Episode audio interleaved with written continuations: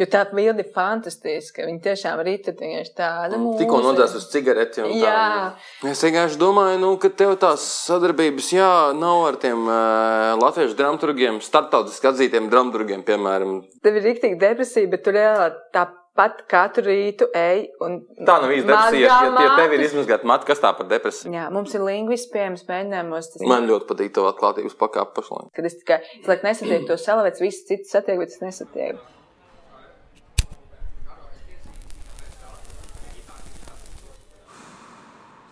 Uh, Labvakar, Heisā Vimbs. Pīpēto sarunas ir atgriezušās pēc, kā jau parasti, trīs nedēļu pauzes. Un uh, ar mums kopā Zumā ir uh, starptautiskā dramaturģe un rakstniece Rasa Bugavičūta Pēce. Un mūsu, Čau, labvakar, Rasa. un mūsu uh, Aktuālā. viešņa, aktuālā viešņa, turpinām spēcīgo sieviešu sēriju. Uh, bija pie mums Ilza Vītoliņa, kas veido kostīmus, izrādīja teātris vairāk par dzīvi. Un tagad mums ir uh, Rīgas Angļu gimnāzijas absolvente, uh, kuras vārdu Google ierakstot, lietotāji meklē arī Juri Žagaru, Egonu Dombrovski, Daini Grūbi, Ines Kučīnsku, Agnes Jēkabsoni un Aspaziju. Jā. Jā, nekāds sakars nevar atpazīt. Līdz šim es gribētu, varbūt frizūra, jā, labi. Var sakot, eh, viena no Latvijā nu, sieviešu režisoru eh, tā viļņa augšgaliem. Tas ir jā. ļoti slikti, ko tu sāki. Jā, es zinu, es zinu, bet mēs tam pieskarsimies. Jo kāpēc man būtu jāuzsver to, ka tu esi sieviete režisore? vai Tieši ne? tā. Tieši tā. Viena tēma mums jau ir. Uh, Laura Groza. Čau, Esi čau, Rāsa. Jā, un tas bija. Es šodien no rīta domāju, ah, jā, man ir jānāk pie jums. Un es biju pilnīgi pārliecināta, ka būs tēma. Sieviete, režisors, sieviete, viena no režisoriem, jūs kā sievietes, sieviešu pasaulē, sieviešu, sieviešu režisori. Tā kā, un man gribēs teikt atkal un vēl joprojām, un kāpēc? Egon. Čau, Lauriņa. Uh, mums eh, nāk Egons Dombrovskis ar burbuļiem. Tā bija solīts. Īpašais pārsteigums. Ah, jau nolika somu, jau Nē, sēdīsies. nē, es nesēdīšos. Es tikai, zini, Lauriņa, es tagad esmu tāds uh, Es gaidīju, ka viņš pūtīs burbuļus. Nē, viņš tikai atnes glāzē. Čau. Uh, Arī tembrāli var turēties parastajā tonī, tev nav mikrofona, tev nedzird neviens. ā, labi. Uh, es tā kā domāju, vajag tagad par to debesi, kas ir debesīs, ja? Man, man radās jautājums. Uh, tavā radošajā nu, dzīvē, kas tev vairāk uh, ietekmē? Piena ceļa zvaigznājs vai tomēr pilnmēnesis? Pilnmēnesis. Man ļoti patīk pilnmēnesis. Man tiešām patīk, es esmu pilnmēnesis cilvēks. Es eju ārā pilnmēnesī, skatos uz mēnesi, sarunājos ar mēnesi, es ar mēnesi vienojos. Man viņš uzlādē, man viņš iepriecina. Ja parasti saka, ka, oh, pilnmēnesī ja visi cilvēki paliek trāki, man ir tieši otrādi. Es atgūstu kaut kādu prieku un mieru, tāpēc, ka tas ir tāds jaudas avots, un viņš ir manējais jaudas avots. Man ļoti patīk pilnmēnesis. Kaut viņš būtu biežāks. Jā, es esmu. Tas viss ir. jā. Ai, ai, tad es netraucēšu. Paldies, ka ielaidāt pie sevis. Ļoti labs jautājums, Egoni. Ļoti labs jautājums. Paldies, un paldies par burbuļiem.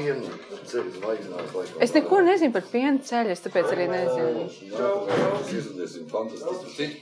Sprīdīts, kur ir piena ceļa dziesmu, imanta kāniņa skaistā dziesma. Okay, De, par deminutīviem runājot. Tad, kad uzrunā Ines, vienmēr ir Inesīta. Egons vienmēr ir Egoniņš. Gatītis nekad nav gatītis. Kas tas ir? tas ir labs jautājums. Bet ir taču tik daudz vārdu, kas vispār nav diminutīvā iespējams. Piemēram, Mārtiņš. Kā tu pateiksi Mārtiņš? Mārtiņš. Nu, nav tas iespējams. Nu, gatiņš, tas, zin kā, gatiņš man liekas slikti, tāpēc, ka uh, tas man Tur ir tā klibā konotācija uzreiz vēju, vēja. to klibiķīt, un tas man liekas uzreiz. Vai tu gribi tiešām identificēties ar šo? Nu, gatītis. Nezinu. Ir labi, ir labi diminutīvi un slikti diminutīvi. Un, teiksim, tā arī man ne viss. Man arī, ne, nu, man patīk, kad man tuvēciens ir Lāriņa, bet tā kā, ja man tā kā, nezinu, tur es kļūstu uzmanīgi, ja daži Man liekas, ka es tevi uzrunāju par Lauriņu, tad, kad es gribu teikt, tā nav, kā tu domā. un Tad es saku, Lauriņa, Mēs klausies. jā. Jā, jā, jā. Es pat neatceros, ka man kādreiz es tā uzrunāju. Bet labi, pie kā mēs Par palikām? tām sievietēm. Par sievietēm režisori. Uzreiz rasa pa smago. Laižam, aiziet. Nē, nu es Nē. izbaudu pagaidām šo. Tā ir laba lieta, kas bija neizbēgama. Lūdzu, dariet to. Vienkārši izdarām to vēlreiz. Tas nav iz, izbēgams. Šī situācija bez šī jautājuma. Tas vienmēr ir klātesošs. Un man patīk tas, ka eh, man ir daži, eh, es uzreiz to paziņot, tā kā vislatvijas līmenī, man ir daži kolēģi, vīrieši, brīnišķīgi režisori, kas man ir teikuši, jā, tu tur pieņemsim, nu, jūs tur no, no sievietēm, jūs tur labi močiet, tu, tu un tu. Un tad es saprotu, ka problēma jau ir nevis tāpēc, ka uh, tur, uh, kā lai pasaka, tas, tas ir vienkārši kā iededzināts, ka tā, tā, tā kā tāda kaina zīme mūsu galvās pierēs un vis kaut kur citur, ka vienkārši cilvēki tiešām mēs to izdalīt. Un, piemēram, vīriešiem liekas, ka ir tāda vīrieša, tā kā olimpiskajās spēlēs ir vīriešu kategorija, jo tas ir normāli, tāpēc, ka olimpiskajās spēlēs, protams, sievietes nekad nesries kopā ar vīriešiem, tāpēc, kad ir tiešām svara atšķirības un kaut kādas spēka maiņas, un tur mēs nevaram savienot tā kā sprintā vīriešu un sieviešu skrējējus. Bet uh, it īpaši vīriešiem patīk vienmēr tā kā arī citās, citās um, ekspedīcijās un žanros izdalītās lietas. Un viņi ir tā kā sieviešu kategorija un vīriešu. Mums ir vīriešiem tāda nu, disciplīna, un mēs tā kā skrienamies šitā te, bet jūs sieviešu ziņā arī skrienaties tur tā, bet nu, mēs to nekad nesavienosim, tāpēc, ka tās ir divas atsevišķas disciplīnas. Un nevis tāpēc, ka gal galā, nu, būsim reāli, nav jau tā, ka nekas tur, nu, atšķirās. Nav jau tādu, nu, tā kā īstenībā, jo beigās viss mēs saplūstam vienā upē un jūrā ieplūstam visas tās upes kopā. Bet nekā, nezinu, kāpēc vienmēr ir kaut kāda tendence tā kā tomēr uzsvērt to. Un Bet kāpēc tev liekas, kāpēc tā ir? Kāpēc, kāpēc tas tiek uzsvērts? Tāpēc, ka jūsu ir mazāk sieviešu režisoru. Tā ir vīrišķīga profesija, tāds valda uzskats. Ir, ir tā, jā, jā, jā. Un arī vienlaicīgi tāpēc, ka es domāju, ka mm, nu, tas ir vēl joprojām tāds um, atraugas no šovinisma laikmeta. Nu, tā. Tas. Šovinismu laikmets vai tad, vai tad ir beidzies? Tās ir atraugas, man liekas, ka joprojām taču viss ir. ā, Tieši tā, jo formāli viņš neeksistē. Mēs esam tā kā tajā jau feminisma akceptētajā laikmetā, kur mēs akceptējam visādi veidi un visāda uh, satura iespējamības, un cilvēki ir tādi, kādi viņi ir, un drīkst pretendēt uz jebkādu savu identitāti. Man liekas, tas ir novecojis kon koncepts, ka pastāv vēl kaut kāda vecmodīga dzimuma, dzimuma kā izšķirt, izšķirt spēja. Bet uh, realitātē viņi pastāv. Bet, ja Latvijā būtu kāds, teiksim, nebinārs, non-binary režisors, loģiski, ka viņu uzskatītu par non-binary režisoru, un tas visur tiktu uzsvērts. Gatis, so what does it mean non-binary? Es nezinu, es šo vārdu esmu dzirdējis vienkārši. Es zinu, nu, ka tas ka tas ir Es kaut kas mēģināju, tā kā mēģinu ķert, un es tā kā nebūšu tas cilvēks, kā cis-male, un tad ir uh, female, un tad female, ir un tad ir non-binary. non-binary, un tā, bet uh, režisori tikai vīrieši vai sievietes pagaidām. Cik mm. es zinu. Lai man nekancelētu, es vēl nezinu, vai kāds. Nu, jā, jā, nu, jā, šeit ir tā vēl. Nē, nu labi, tur nav ko. Man nav, man nav kaut kāda, man nav tā kā vēlme izvērst šo sarunu. Tur tiešām nekas interesants mums nesagaida, man liekas. Nu, nav, tur nekavēsimies uz šito tā. Ne? Nekavēsimies, bet uh, interesants ir tikai fakts, ka tu to arī pieminēji, un tāpēc es arī gaidīju, ka tu to pieminēsi, un tāpēc es uh, kaut kādā veidā nokomentēju, kā es to mācīju. Varbūt droši vien tas arī neko nepienesa kopēji Tu gaidīt. esi sev sagatavot atbildi īstenībā uz šo jautājumu. Ne? Nē, man nav. Tu redzi, es ļoti nekonkrēti kaut kur peldēju. Nebija Bet no nekā. viedoklis vismaz. Viedoklis ir tāds, šis ka- jautājums taču, nu, uzpeld un uzpeldēs droši vien nu, vēl līdz šovinismu gadsimta atrauga beigām. jā, tā ir, tā ir, tā ir, tā ir, jā. Bet man liekas, interesanti, vismaz es nezinu, kā- kādi jautājumi tev ir ienākušies tur vēl no, no cilvēkiem, kuri tika apjautāti un aicināti Laurai kaut ko uzdot uh, jautājumos internetos, bet vismaz tie jautājumi, kas ir man, uh, tur neviens jautājums nav saistīts ar to, ka Laura ir gan sieviete režisora. Man liekas, tas dievainā kārtā tas kaut kāds dalījums, kā reiz ir nu, iesakņojies tajā pašā teātra vidē, krietni vairāk nekā nekā kaut kā tas, eh, tas valdā ārpus. Bet, zini, kā rāsa, es to vēl. Tev te, te, te, taisnība, bet vienlaicīgi es esmu, es saku, es, es, es neminēšu savus brīnišķīgos kolēģus vārdos, bet man ir brīnišķīgi, un es tiešām nerunāju, tas nav kaut kāds random, tā kā tikšanās kaut kādā tur teātrī gaitenī. Tur tāds arī nav iespējams. Tur nav jau laiks tādām lietām, bet, nu, tur nezinu, tur pirms gada man bija pirmizrāde. Es novēlu, ka šis mans kolēģis skatās šo redzējumu. Varbūt viņš atcerēsies, varbūt viņš arī neatcerēsies. Viņš bija tādā ļoti um, spraigā um, mutulī.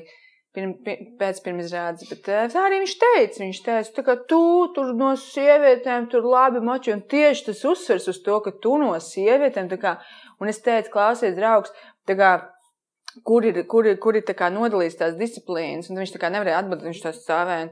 Tas sapratu, ka viņam arī nav īsti atbildes, vienkārši viņš cenšas kaut kā savā prātā sakārtot to subordināciju vai kaut kādu sistēmu vai kārtību, un tas viņam tur neģeldās, ne jau par to, bet tas, nu, vienlaicīgi ir arī tomēr apskats vērts fakts un nevēlti gads pacelt tur, un jā, labi, ka, nezinu, pieņem, ka jaunā pauze tiešām tā vairs nedala tās lietas, un ne jau arī viņš apzinātā līmenī, bet kaut kādā zemapziņā un pie noteikta grādu daudzuma tas izlaužās ārā, tas nav patīkami vienlaicīgi.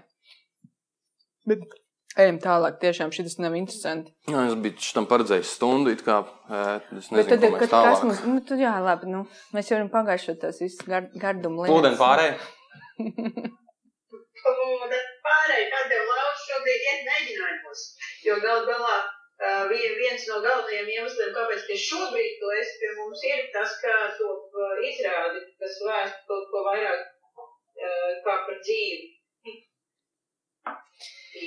Nu, vienīgais, kas man uztrauc, un tagad es atkal nospēlēšu, tāpēc, ka uh, man patīk ļoti, ļoti, ļoti um, sagādāt uh, saviem klausītājiem, skatītājiem to, ko viņi no manis negaida, kad pateikšu kaut ko ļoti stulbu, tas ir tas vienīgais, kas man uztrauc šobrīd jautājot, atbildot uz tavu jautājumu, ir tas, ka uh, man iet uh, tā, ka man ir 12 mēģinājumi nedēļā, tas nozīmē, ka diezgan daudz darba, un vienīgais, kas man uztrauc, ka mēs tikāmies ar gadu, viņš teica, ka jātiekās pēc mēģinājumiem, vienīgais, kas man uztrauc, lai es iztos labi.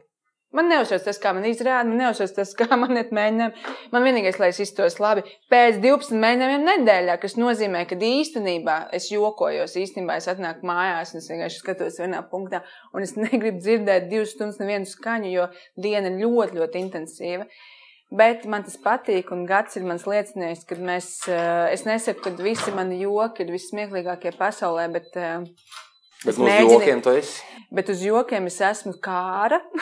Un šobrīd es daru visu, lai, lai uztaisītu diezgan nu, kā, nu, vieglu, un jauku un smaidīgu izrādi. Nu, tā kā smaidīgu, tā ka tu sēdi un ka tev ir iemesls pasmaidīt. Kā minimums. Ja Bet... tu vēl tā iesmējies balsi, tas jau ir ļoti daudz. Bet pēdējās nedēļas tevi satiekot, nu, mēs iesākam kaut kādu smoltoku.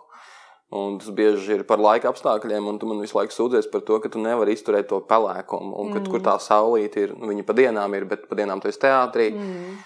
Un tā, un tad eh, nu, tie laika apstākļi, un eh, kur tad ņemt to enerģiju. Un tad, tad, ir, eh, tad mans jautājums ir par to, ja laika apstākļi tev tik ļoti ietekmē, un tu, tu, tu kuries no, tieši no saules nesamības, tad kas ir tava degviela šādās? Uh, februāra pievakarēs. Nu, principā, Liepā, jā, jā, jā, tas labs ir. Principā, janvārī tikko sākās februāris, un februāris jau ir iesācies daudz pozitīvāk, tāpēc, ka šodien mums sākās vakara mēģinājums, un ārā vēl bija gaiši. 5.11. riet saulē. Jā. jā, un es visus apsveicu ar to. Es teicu, draugi, reku jau ir gaišums, un mēs jau, es tiešām ļoti ietekmējos no laika apstākļiem. Uh, Janvārs bija ļoti dramatisks, tāpēc, ka bija ļoti daudz vētras. Mm, Liepājā viņas bija, man liekas, divreiz vairāk nekā. Tur runā par meteoroloģiskām vētrām. Jā, par meteoroloģiskām vētrām. Salīdzinoši mūsu iekšējās uh, tektoniskās svārstības bija daudz kā, patīkamāks, nebija nekāda liela izaicinājuma. Uh, jo mēs ļoti, ļoti arī uh, harmoniski, man liekas, virzamies uz mērķi. Uh, Uh, jā, nu man, man, man nepatīk tumsa, man nepatīk pelēkums, man nepatīk uh, slapjums, man patīk uh, tomēr būt tādam saul, saules cilvēkam. Un ir jautājums vietā, kur es to ņemu. Nu, šobrīd īstenībā es turos kā pie tāda salmiņa, nu, pie visa, kas mani kaut kādā ziņā sasmīdina. Un tāpēc es cenšos ļoti daudz jūs sasmīdināt, izliekoties par cilvēku ar nebeidzamu joku krātuvi, rēķinoties ar to, ka liela no daļa no tiem jokiem nestrādā. Viņi nav pasaulē smieklīgākie joki. Bet tad jau ir vēl smieklīgāk. vismaz mēģinājumi. Vismaz ir smieklīgi tas, ka tad jau es saprotu, ka jau tas vairs nav smieklīgi, un tad es varu vismaz pasmieties par to, ka, nu labi, tas jau ir tik traģiski, ka tas jau atkal kļūst smieklīgi. Un tad es par to izsmējos no sirds. Un tā ir tā viena no degvielām. Un, Bet tās degviela, tā ir, tā ir mēģinājuma degviela, un mēģinājums jau tu tērē degvielu. Nu, es baigi tērēju, godīgi sakot, tāpēc arī saku, es atnāku mājās, es vienkārši, ja man liekas, es nezinu, kāds ir tas vidējais pētījums, cik tur cilvēki dienā iztērē to vajadzīgo vārdu daudz, un tur ir kaut kas tur tāds vajadzīgs, nu tur nezinu, tur. Tūkstoši daži, jā. Tūkstoši, jā.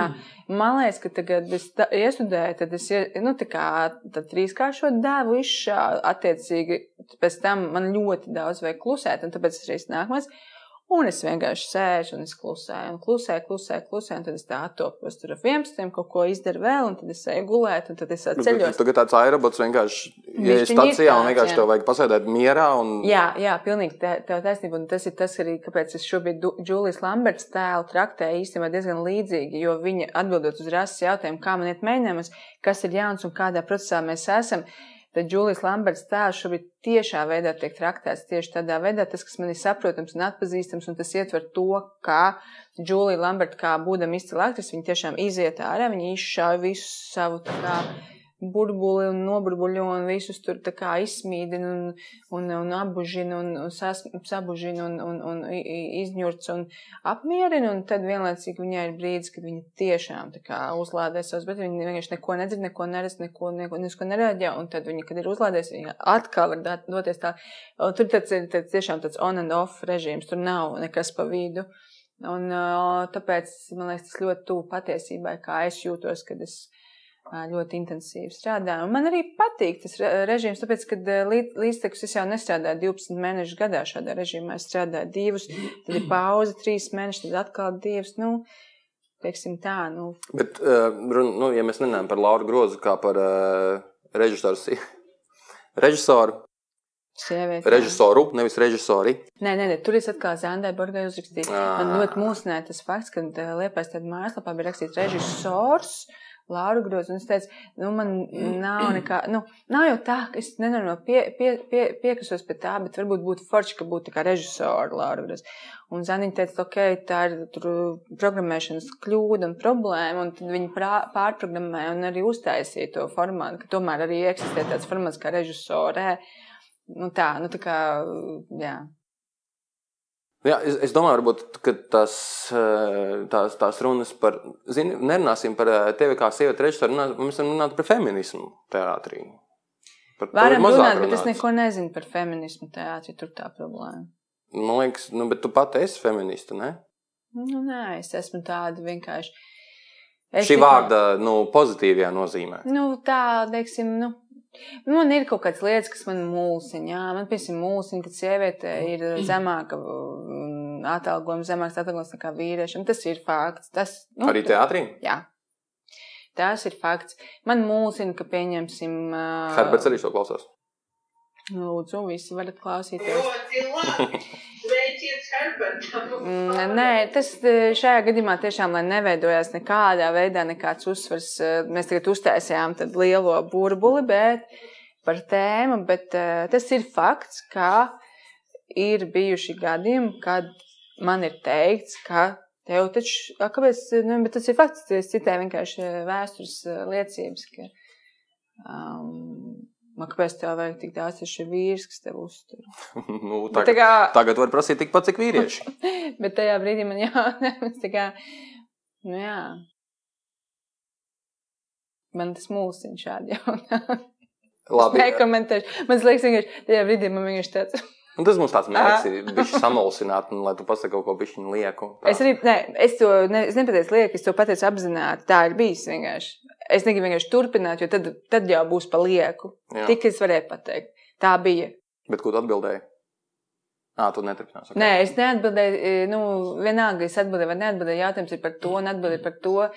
Eh, man liekas, nekas nedos. Ne, jebkura atbilde nevar būt tik spēcīga kā šis, šī replika. Lai ko es neatbildētu, Jā, tur re, tur, tur, tā replika bija tik spēcīga, ka es varētu, nezinu, kaut vai eh, nokrist uz zemes un pārvies savu vēns, un tas nebūtu tik spēcīgi kā šis, jo tas bija ļoti spēcīgs arguments. Man liekas, un tas nenotika, tad, kad man bija 22 gadi, tas notika, tad, kad man bija, es jau biju, man bija kā kaut kāda pieredze teātrī. Un tad man liekas, kā, tas ir bijis tā kā jocīgi, un tāpēc jautāt par to feminismu, tādā nozīmē, jā, es esmu feminists, tāpēc, ka es nesaprotu, kāpēc šīs lietas vēl joprojām tiek diferencētas, kur ir tā atšķirība un kā tieši mans darba ieguldījums atšķirās no vīriešiem, kuriem ir savukārt sievas, kā, kāpēc nekad vīriešiem nesaka, tu taču esi sieva. Kura jāuztur? jā, pieņemsim. nu, tāpēc viņiem ir lielāka honorāra. A, kāpēc ir kāds iedomājas, ka viņam jāuztur? Kāpēc sieviete uzreiz tiek pieņemts kā e, e, eksemplārs, kurš ir jāuztur? Man liekas, ir mm, sievietes ļoti labi arī spēja sevi nodrošināt, bet eh, tas nav arī arguments, lai kaut kādu vispār. Ku, kāpēc tavai privātai dzīvē varētu būt, vajadzētu būt kāda veida argumentiem tavā biznesa līguma kategorijā? Tā kā tu Nu, noslēdz līgumu, Vienka- vienalga, vai es esmu daudz bērnu māte, vai es esmu vientuļā māte, vai es esmu sieviete ar vi- diviem vīriešiem, vai vīrietis ar trijām sievām. Kāda tam ir nozīme? Es taču izdaru tieši to un ne to, un tāpat kā mans kolēģis izdara to, un tā kā mēs vienkārši tiekam vērtēti tikai par to, ko mēs izdarām savā uh, zonā, kas ir mūsu profesionālā teritorija. Tas ir tas galvenais jautājums.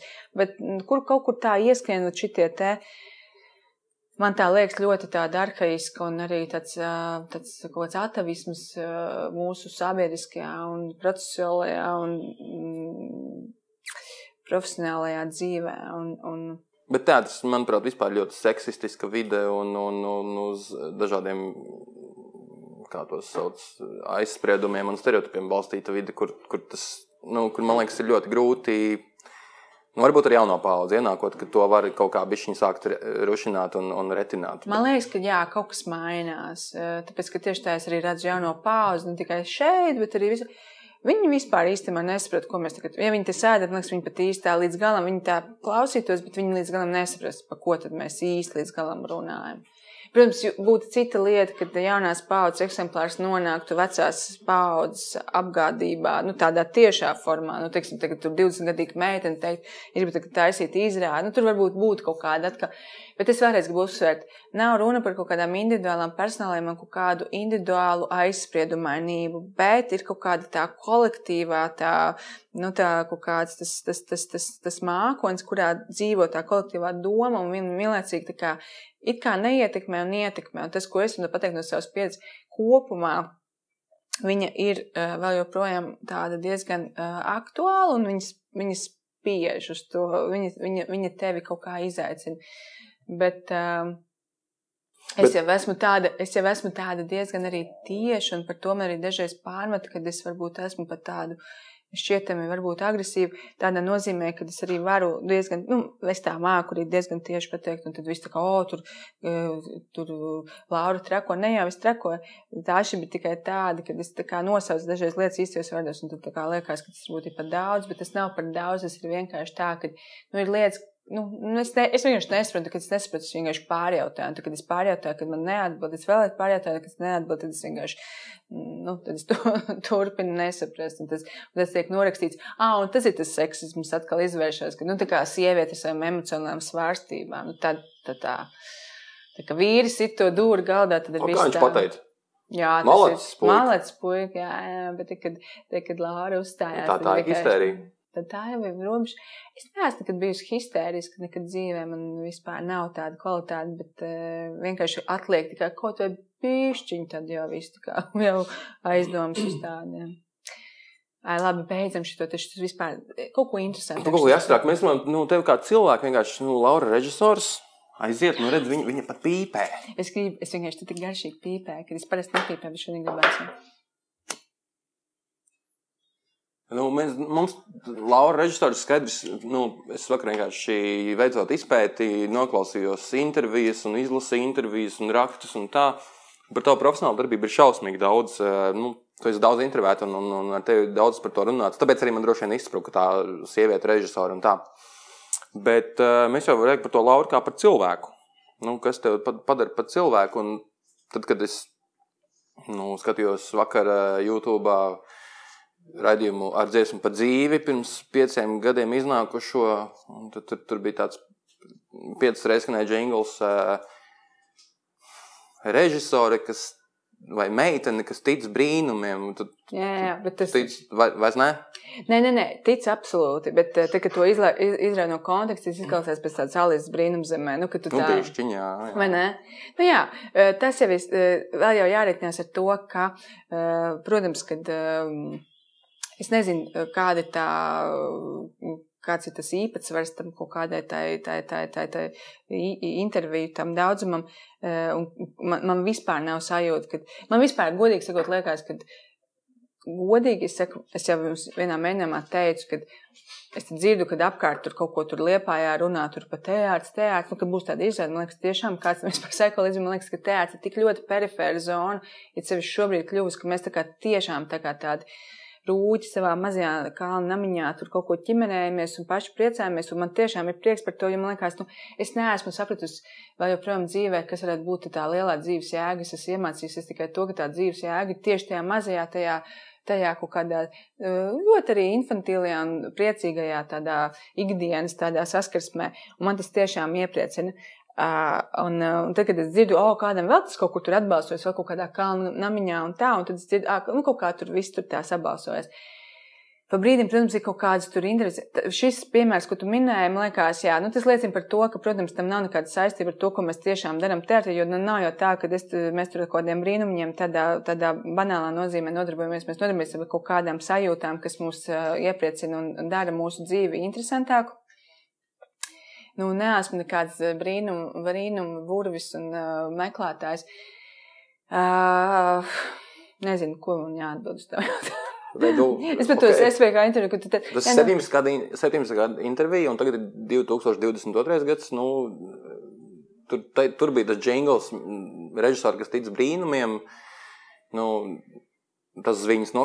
Mēs, mēs gribējām par Lauru kā par cilvēku, bet kā par, par to teātru. Nē, man liekas, Gati, zini, kā man liekas, ir tagad jādara. Es tieši par to šodien domāju, kad es nācu. Vat šito gan es gribētu tev pateikt.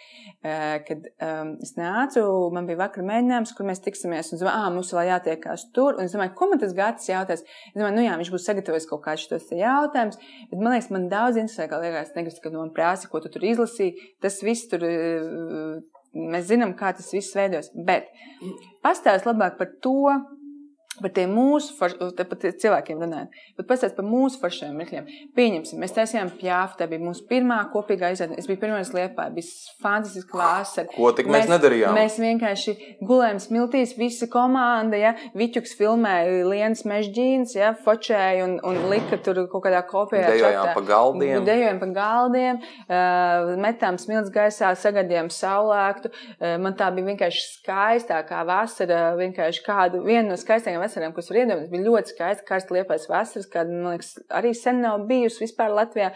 Mēs vienkārši radījām, eh, cēlāmies un gulāmies ar šo izrādi, turpinājām vakaros runāt par izrādi, smējāmies, eh, dzērām kokteļus, eh, ākstējāmies, ņēmāmies. Visi mēs bijām jauni, skaisti, neprecēti, bez bērniem. Daudzi tagad ir ar bērniem un precēti. Un vēl Visi ir ar bērniem. Jā, nu, izņemot man, es neesmu vēl ar bērniem, bet es esmu tajā, es jums ļoti, ļoti dzīvoju līdz tajā, man liekas, tas ir ļoti skaisti, kā mēs arī ejam tālāk visādos posmos. Tas, man liekas, ja tu man pa privāto, ja tā, tā man liekas tēma, ne jau tas, ko tur žurnālā raksta, kā, kāds tam sakars ar privāto. Tad Nē, nav nu, nekāds. man neinteresē, nu, ko, ko tu lasi, vai, vai kuru filmu tu tikko noskatījies. Lai gan mums ir jautājums, kas ir tavs mīļākais operas Eiropā. Ātri atbildi, nē, tālāk. Komiša opera. Komiša opera. Dzirdējāt, komiša opera. Jā. Tikko vēl bija dievin to operu. Es biju tur, es to operās noskatījos visu, ko gan ko var noskatīties regulāri, ka man ir iespējas braukt skatīties vēl joprojām, kas tur ir tikko bija arī decembrī. Es esmu bijusi divus mēnešus skatījusies vienam, nu, tur vadošam operas, nu, tas, kas tur ir, nu, Berikovski, tas režisors, kas man interesē, Rainā Rubiķa svētības, divus gadus atpakaļ sēdēju un skatījos kā viņš taisa e, izrādi, dievīgi izrāda šos kožu degunu. Es biju divus mēnešus tajā procesā, e, sēdēju kā pelīte, nevienam netraucēju. Uz, nu, kā, vienkārši biju priecīga redzēt, kā maļās lielās Eiropas operam dzirnavas secināja ļoti daudz labas un arī mums nekomplementāras lietas, un arī iedvesmojos saviem lēcieniem tādā nozīmē, ka sapratu, ka mēs, mums ir problēmas daudzreiz nevis ar to, ka mēs neesam tik jaudīgi, bet ka mums ir šausmīgi paškritikas jā, problēma, un mēs varam daudz izdarīt. Ar, ko, ko domājat par paškritikas problēmu? Mums ir par daudz paškritikas. Jā, par jā, maz? jā, par, par daudz. daudz. jā, par daudz. Jo tas, ko mēs darām, kārtībā reizes pārliecināts par to, ka tas, teiksim, resurs, šis ir izcils režisors, es viņu ļoti, ļoti apbrīnoju, un, vēl joprojām viņam sekoju līdzi, viņš tiešām dara skaistas lietas, un Tikko arī bija Berlīnē, vēl uz viņu izrādi Berlīnas ansamblī, kur viņš trīs, trīs, trīs rišu operu iestudēja. Un tā, tā, tā jauda ir milzīga un asprātība un tā atļaušanās un talants viņam ir, viņ, nu, tā, tā, tā, tur ir vienkārši cilvēks tiešām ar dabas. Dot, nē, nē, nē, tur, tur ne, nekomentēsim to, bet tiešām vienkārši talantīgs cilvēks un talantīgs režisors. Bet uh, vienlaicīgi tas viss, kas apkārt notiek, uh, nu, jā, nu, tur, tur ir tā lieta, ka. Uh, šeit, teiksim, tā, nu, tā, uz tādu produkciju lietu, piemēram, tu esot izrādi, tas, ko, piemēram, šeit viens, tās lodziņas, kas ir uz vienu cilvēku, ir piesaist lielāka nekā tur, jo, teiksim, tur režisoram ir, viņam ir jādomā tikai par to. Un tās lodziņas, protams, ir milzīgas, tāpēc, ka viņš vada milzīgu uh, struktūru un viņš taisa ļoti ambiciozus iestudējumus, bet viņam arī tā atbalsta sistēma ir milzīga apkārt. Un tāpat arī visās nākamajās tur tā, tā, tā piramīda ir ļoti, ļoti nopakota. Šeit, teiksim, ja tas mākslinieks pat ar, ar ļoti lielu spēku izlaužas, tad viņam pietrūkst dažreiz spēks vienkārši nu, radošais viņam vēl eksistē, bet viņam pietrūkst tas praktiskais atbalsts, un tad viņam pietrūkst arī tā arī zūd tā pārliecība galu galā, ja tu bieži vien nomalies tajās praktisko risinājumu ķēdēs. Bet, piedod, jā, bet kas, kas ir tieši, nu, tu esi arī operas iestudējis, kas ir, teiksim, Latvijas teātrī un operās, kas, kas ir praktiskās lietas, kas, kas nomoka režisoru, nu, Kas, kas ir tas, kas tev jādara vairāk nekā, teiksim, Berlīnē? Nu, tā lieta, kas ir jādara, piemēram, nu, labi, es tiešām būtu stulbi, tur vajag salīdzināties. Nu, protams, ka mēs nevaram pretendēt Latvijas Nacionālā opera, bet no otras puses, kāpēc arī nē? Un tas ir tas pašapziņas jautājums. Kāpēc mēs nevaram tā kā mūsu nacionāla pašapziņa nepieļauj šo iespēju, kad arī operā tev ir, tu esi tu, tu, tu, tu, tu dari savu darbu, un tad tev ir divi asistenti, kas strādā tikai ar partitūru. Jo, piemēram, Eiropā nevienmēr režisori vispār orientējas partitūrā, un, un viņi pat nepazīst nots, un, protams, es arī nepazīstu nots. Tad ir divi asistenti, visi, kas lasa nots, pierakst pie katras nots, labi, arī operas.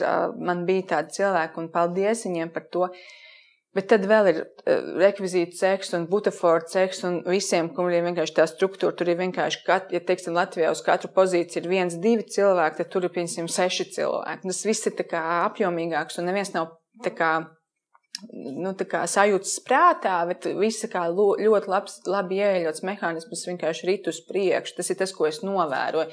Un režisors tiešām sēž un viņš vienkārši Viņam ir blakus dramaturgs vienmēr. Nu, Latvijā nav tāda op opcija. Nav dramaturgs un uh, opera muzikālā. Par dramaturgiem jāparunā. Muzikālais drāmas. Tas ir tas, ko, kas ir. Uh, Bet tas nav tas, ko Latvijā varbūt ir dramaturgs. Tas ir tas vairāk, kas ir operas muzikālajā teātrī dramaturgs. Tas ir cilvēks, kas tiešām raksta lūgu. Latvijā dramaturgs ir tas, kas raksta lūgu.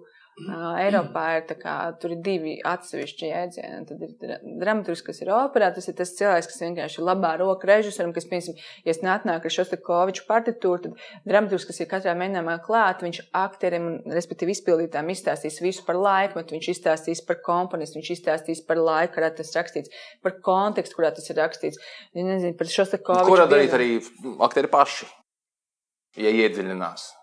Nu, jā, bet vienlaicīgi arī ir, teiksim tā, nu, arī jārēķinās ar to, ka arī, nu, ne, ne, arī nedzīvosim Lēputrijā, nu, tur jau arī, nu, tā ir arī mūsu kaut kāda arī uzskats par to, ka, zin, tur Latvijā mums te baigā gaļas mašīna, mēs te tādā mutulī maļamies. Nu, tur ir tieši tāda pati, nu, tur jau nav nekas savādāk. Tur viss ir ļoti, ļoti, ļoti intensīvi, divos mēnešos vai pat sešās nedēļās to piestudējums.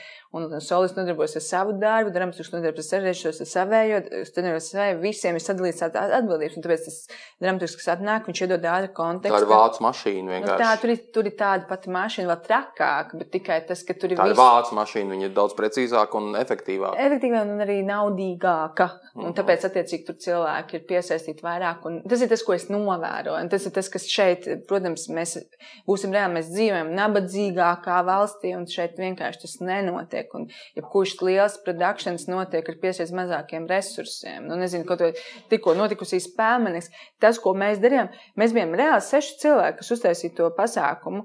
Uh, pasaulē, nu, nekāda balva pasniegšana notiktu. Tu būtu trī, tas, ko mēs visi seši darījām, tas būtu 30 cilvēku darbs. Tā kā 30 cilvēku to darīja, to, ko mēs seši tā izdarījām. Nu, mēs pirms diviem gadiem Liepā jau to pašu Nu, darījām. tā kā jūs zinat, tas ir par to, ka mēs, un tas ir tas brīdis, kad jūs saprotat, mēs esam nabadzīga valsts. Neviens nav vainīgs, mēs vienkārši esam nabadzīga Pēc valsts. nāks improvizēt un rodas īpašas Jā, lietas. bet vienā brīdī tu vienkārši, jā, tev ir improvizēt? 22 gadi, 23, 24, 25, 26, 27, kaut kā 37 vai 40, bet vienā brīdī tu saproti, ka tu negribi būt tas cilvēks, kas visu laiku tā kā 20, uh, 20, uh, 22 vakarā, kad jau ir divi mēģinājumi notikuši, un tu vēl raksti ēpastu par rekvizītiem. Nu, tev tas nav jādara. Nu, tev, nu, tev tu, tu kā nav jā, jādara. Es to varu izdarīt, bet nevis man ir grūti, bet tāpēc, ka es arī esmu mašīna tādā nozīmē, kā tu pats teici, tu tā tāds eh, aerobots, tu uzlādējies, tad tev baterija nosēžās un tev vajag uzlādēties. Un manā dienā ir 24 stundas, un ja es esmu nostrādājis 14 stundas, tad man vajag uzlādēties vēl 8 stundas. Bet, ja man to 8 stundu laikā vēl nozog laiku, man jādara tas un tas un tas, un man beigās sanāk uzlādēties 4 stundas, tad sanāk, ka es īsti neuzlādēju. Sodīgāk tīri. Un tad ir sūdīgāk tīri. Nē, beigās jau visi, visi tiek arī tur, tā kā mums ir arī tāda darba, darba mīlestība ieaudzināta mūsu nācijā. Visi jau beigās izdara visu, bet pēc tam tu uh, cīnies ar visādām blaknēm. Un tad tu kā varbūt to naudu, ko tu tur nopelnīji, sūri grūti, tu beigās investē savā veselī, veselības atguvē. Un tas arī laikam nav tā kā rentabls, ja tā kā ja mēs tādu biznesa strateģiski skatāmies, bet tas atmak atmaksājās. Un tā ir tā, bet tas tur. Tur es vēlreiz saku, tur neviens nav vainīgs. Es ne, tā ir vienkārši šīs mūsu jaunu valsts, sauksim mūsu valsti vēl par jaunu valsti, eh, problemātika, ka mums nav kultūras dotācija tāda, ka arī kultūras darbinieki tiek uzskatīti. Trešais pensiju līmenis ir. Nekādā veidā nav. Protams, ka nē. A, Ko tu darīsi? Nu, Vītoņā jūs ar viņu runājat, viņam bija ļoti laba stratēģija. un Viņa to realizēs īstenībā pa visiem tūkstošiem. Viņa labi darīja, un uh, man, man, man, man vēl ir jā, jāiet uz to. Vītoliņu vispār es izmantošu vārdu salikumu vēl vecenu vienkārši. Nu, tas, tas, ko dara Vītoliņa, tas ir, uh, tur mums visiem darētu pamācīties. Uh, Rasa kaut ko pasaka, jo izstāsta, ka tu esi atslēgusies. Es manas ceļu un ceļu, šoreiz būs viegli tikt galā. Bet, uh, jā, man tagad būtu jāiejautā. Vai negribās visu laiku arī iesaistīties tikai vienīgi tādos jautājumos par runāt profesiju, es gribu drīzāk uh, izteikt Laurai uh, vienu komplimentu, kur es, kur es ejot cauri nu, kaut kādai arī savai um, tādai vienkārši personiskai garšai par to, ko es esmu redzējis no Lauras uh, iestudējumiem un kas man ir atstājis lielāko iespēju. Tās ir divas izrādes par abām izrādēm. Es Laurai uzrakstīju arī paldies, un tas bija diezgan interesanti, jo Covid bija pilnīgi klusuma pauze, kas nezinu, cik gadu garumā. Bet, bet man liekas, ka tas bija, tas bija abā, abās šajās reizēs, tas bija ļoti uh, kaut kā personiski aizskart. Un salīdzinot, pirmā izrāde bija 1984, un zinu par ko par to, ka tad, kad es pirms tam izlasīju to lūgu, manā šausmīgi garlaicīgajā iztēlē, tas viss izskatījās pēc kaut kādiem padomu laika antresoliem, vai kaut kā, nu, tāds nu, briesmīgs brūns, pelēks, bēdīgs kaut kas, un tad, es redzēju, ko tu biji izdarījis uz skatuves, man, man, Ko man mēs vienkārši- bijām Man izdarījuši? pielec, kur ir atšķirības starp dramaturgu un režisoru, teiksim tā. Un otra uh, izrāde, kas man vienkārši norāva jumtu, tā bija Roberto Zuko, jo man tur saslēdzās kaut kāds tāds paralēls starp, uh, starp to, ko vispār uh, radošs cilvēks, mākslinieks dara ar savu profesiju, un cik ļoti viņš īstenībā uh, nu, eksperimentē arī ar, ar cilvēkiem, kas viņam ir apkārt, un varbūt viņš reizēm to dara daudz brutālāk nekā um, nekā tie, kurus mēs par brutālajiem uzskatām. Un, uh, un kaut kā, jā, šīs divas pieredzes man ir bijušas tādas, nu, baigas pilgtas, kā skatītājiem parastam, visparastākiem. Kā tev pašai, kuri ir varbūt tie darbi, varbūt procesi, es nezinu, varbūt, varbūt vienkārši rezultāts. Neatkarīgi no tā, vai tā izrāda izskanēja skaļi vai noritēja klusi, kas tevī ir pašā kaut ko uh, sakustinājuši, nu tā jautīgi. Jā, jā, man, man īstenībā nemainīgi, man, man nemainīgi jāatzīst, ka mana Daudz režisors saka, man nav, nav tur mīļākā, vai tur aktieris man nav mīļākā, vai ne, man ir mīļākā, man 84 man mīļākā izrāda. Tā man liekas. Dievs, paldies, ka tu to pasaki, tāpēc, ka mēs esam. Tur nu, ir bijis Elmārs šeit, eh, Petrenko un Trēns, un, un pārsvarā viss saka, kur ir to mīļākā izrāda? Nu, tā, kur es taisu. Nē, nē, nē, nē, man ir mīļākā.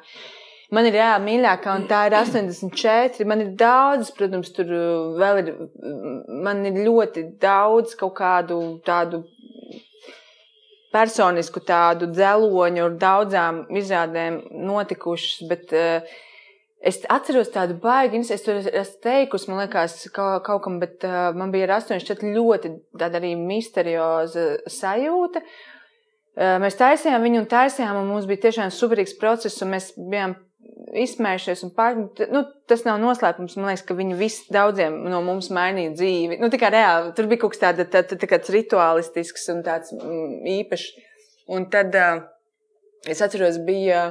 Ja, bet es arī neko negaidīju. Man liekas, ka tas kaut kas tur īpašs. Mēs tur ejam uz kaut kādu baigot lielo mērķi vai kaut kas tāds. Un tad es atceros to reizi, kad uh, bija ģenerālmēģinājums ar skatītājiem. Man nebija nekāda sajūta. Es tikai tā, tā akli gāju uz savu sajūtu, to, ko es gribu. Kā, man likās, ka tas, tas viss atbilst tam. Un es atceros tikai to reizi, kad uh, bija ģenerālmēģinājums. Man vienreiz dzīvē ir tāda sajūta bijusi, un tā bija šī reize. Kad uh, bija ģenerālmēģinājums, es sēdēju, kā tagad atceros, es sēdēju liepais pašā, pašā aizmugurē, tur blakus skaņu būdai.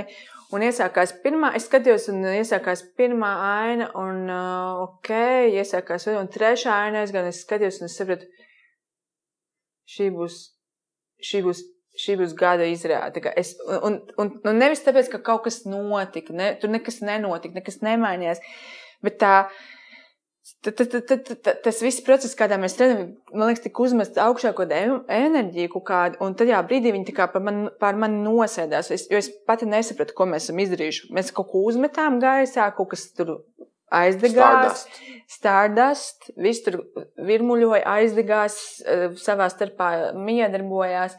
Un tad, kad es sēdēju, viņi pēkšņi no, pie manis atnāca, un es sapratu, ok. Un nevis tādā nozīmē, kad ir tur tādā lokālā nozīmē, tur kāda apbalvojuma ziņā, bet tādā tieši nozīmē, ka tas ir ir, ir noticis kaut kas nozīmīgs, ir noticis kaut kas vēsturisks, ir noticis ne jau, ne jau tā vēsturis, bet priekš manis vēsturis un priekš visiem, kas tajā piedalījās, un arī iespējams priekš tiem, kas to skatījās. Un to gan es sajūtu ļoti, ļoti konkrēti. Un tā sajūta, kāpēc es saku, tā sajūta man nekad nav atgriezusies. Man tā bija vienreiz dzīvē, kad nosēdās par mani sēdi, kad ir noticis kaut kas vēsturē ierakstīts, ko atcerēsies visi. Šī bija... taisa būs teātra grāmatās par mani. Nē, ka, ko atcerēsies visi, kas bija šī laika liecili, liecinieki. Visi, kas to redzēja, visi, kas to piedzīvoja, to visu dzīvi atcerēsies. Tas vienkārši mums iezīmē tā kā tādu kaina zīmi, vienkārši iededzināja mūsu pieredzi. Es nezinu, neko vairāk nevaru pateikt par to, un tam nav saistības ar kvarēsmu. Tā izrāda tā patās, netika viņa apbalvot, nekā, tam nebija saistība ar to. Nu, bija, bija, bija, kaut kas tur bija, bet nebija arī tā, ka tam nebija, tas nebija kontekstā ar kaut kādu ārēju novērt, novērtējumu, tam bija kontekstā ar ar to, ka tu zini, ka ir lietas, kas maina. Kur nu, taču zini, ka tu esi rītīgi labi izdarījis? Ne tā. Kur vairs nav pat svarīgi, kā tevi novērtēs. Vienkārši, kad skaties un redzi, ka ir. Nē, kad kaut kas ir, ne, kad nevis pat to es izdarīju, bet kad, kad kaut kas ir vairāk par mani. Tā vairāk ir tā par dzīvi. Vairāk par dzīvi, jā. Kad ir noticis kaut kas vairāk par mani, par gāti, par uh, liepais teātri, pat par Orvelu. Ir noticis kaut kas vairāk, ir nu, kaut kāda vienkārši zelta griezums, tur nu, kaut kas nu, sagriezies zelta tādā griezumā. Un tas ir tas, kas man nekad neiziet no prāta, un es to nu, tajā brīdī tā nobijos pat no tās sajūtas. Tad tas aizgāja, un tad jau tas viss tur dzīvoja savu dzīvi. Es jau tad arī nesakoju, tā izrāde, tā izrāde nebija iespējams sekot ikdienā. Bet, jā, atbildot uz tavu jautājumu, tā, tā ir tā izrāde. Tur, tur bija kaut kas tāds. Un, protams, ir vēl un vēl tur skaistas, superīgas, un, un tur ekus un Frankensteins un, un, un, un Pjāfa un, un vēl un vēl. Bet tā, tur, tā, tur kaut kas tā, tur kaut kas mainījās. Tur manā, man kaut kas tur sagriezās. Es aizgāju kaut kur tā sajā, savā. Mēs vienkārši piedzīvojam, ka teātris tiešām ir tāda transcendence spēja būt. Tas nav, tā, tā nav pat fizika, tā nav pat tāda, tā ir vienkārši pat tāda garīga, kaut kāda iz, garīga izmainoša prakse, kas, nu, Un, un galvenais, kas ir ne bez kāda, tad, nu, es taču nedomāju, ka tā būs. Taču tu tā nedomā, neviens no mums tā nedomā. Mēs vienkārši darījām, un Priec, es tur ļoti nomocījos. Priece. Nu, labi, tu nomocījies, bet tu biji foršs un lielisks. Tur viss tur bija. Es atceros, ka mēs par atmiņām runājot un par skaistiem laikiem runājot. Es atceros, ka mēs pēc kaut kāda mēģinājuma. Jā, kaut kur droši, jā. Mēs kaut kur ar Lauru bijām aizgājuši uz darbnīcu un, un, un, un sēžam un kaut kādus tur kaut ko tādu. Jokus dzenam. Jokus dzenam un uh, dzērienus uh, tukšojam. Pasūtinām. Pasūtinām un tukšojam. Un, uh, Un tā kā aizpasūtināmies līdz kaut kādiem, tur nezinu, 4, 5 no rīta, bet no rīta ir desmitos mēģinājums. Un, ka, un kas tālāk, Lauris, saka, ejam gulēt, jo jāstrādā. Nē, visi arī aiziet gulēt, kā katrs pa savām mājām un tā, bet uh, es pamostos bez desmit desmitos un saprotu, ka, nu, es taču nebūšu laikā uz mēģinājumu, un es atskaņos to mēģinājumu. Un Laura ir atnākusi, izmazgājusi matus. Kā, viņa ir izmazgājusi. Es katru dienu mazgāju matus. Jā, un izmazgājusi matus, uzlikusi make-up. Un kā mēs abi tusējām līdz pieciem no rīta, bet tu esi desmitos un ar izmazgātiem matiem, bet es esmu pusvienpadsmitos. Es esmu pusvienpadsmitos ar nemazgātiem matiem. Un, uh... Citu, man, man, man drāzina, kad man bija tāds ļoti depresīvs periods, viņa teica, tev ir rīktīgi depresija, bet tu reāli tā pat katru rītu ej un. Tā nav īsta depresija. Ja, ja tev ir izmazgāta matu, kas tā par depresiju? Jā, Pā... viņi to paši teica, kā es saprotu, ka cilvēkiem ir slikti, bet kā var vienkārši. Tu, nu, kā, un tad es teicu, jā. Tad, kad es beigšu mazgāt mācību, tad droši vien miršu. Nu, kā, zini, tad, kā, nu, ja, ja jūs kādreiz redzat, ka es esmu jā, esmu, ja jūs redzat, ka man nav izmazgāta mācība, tas nozīmē, ka es esmu padevusies, un nākamais, ko jūs redzēsiet, ka viņš guļ uz ielas, vienkārši padevusies. Bet kamēr es vēl elpoju, es mazgāju tos mācības katru rītu. Tas ir mans tāds dzīvības eliksīrs. Nē, bet es, es atnācu, un, protams, ka paģiris bija gan man, gan droši vien arī tev, bet. Uh... Neizbēgami. Tas, ka mēs mēģinājām kaut kādu tīriem, to otro daļu, un, un, un, un, un līdz tam nebija gājis, un, un tajās paģirās, protams, arī atverās kaut kāda trešā čakra, un, un, un tur arī kaut kas toreiz atvērās. Bet es biju tik šausmīgi, es tik šausmīgi slikti jutos, un tur arī man pateica, nu, tā, ka es jutos vēl sliktāk, ka, nu, mēs tusējām vakar, jā, bet, nu, šodien ir mēģinājums, un, un es, un, ah, jā. ah, Šausmas. šausmas. Jā, un tā ir tā zona, kur man liekas, ir interesanti runāt par privātajām lietām. Ne jau par tiem žurnāliem, un ne tas, tas, tas, tas bet par tām smilšu mešanām un fontēnu aliņiem. Tas bija labais. Jā, jā, jā, bija tie laiki. Bet tagad mēs visi esam vecāki. 40. gadu desmitā. Tā kā bija rāsa jāpasaka joks par to, ka, kad mēs taisījām pjāfu, tad bija uh, teiks kārkliņam, kad viņš pjāfāja sāka, ka nomierinies, mēs visi esam kļuvuši vecāki, ja mēs nevaram tā tusēt tur pēdējā pašā. Tur. Un tad tā izrāda, Agnēs palika stāvoklī, un tā izrāda netika spēlēta tur gadu vai cik. Un tad par to gadu tiešām visiem sadzim bērni. Un tad jau viņš, kad teica, mēs visi esam vecāki, tas jau bija savādāk. Tas skanēja daudz lielāks svaru. Tas bija daudz nozīmīgāk, jā, jo reālitātē viņi visi bija kļuvuši par vecākiem. Un tad tā bija jau tāda tā izrāda arī transformējās līdz ar to, ka bērnu bums notika pa vidu un viss tur. Jo tā, ka mēs visi taisījām tiešām pirmo izrādi, neviens, nu mēs visi bijām vienkārši jaunības tādi kumeļi. līdz pieciem tusēm un desmitos mēģina. Jep. Tā bija, jā, jā, jā. Un grāva tur vēl kaut kur tur apkārt blandījās. Un grāva un... arī nebija vecāks.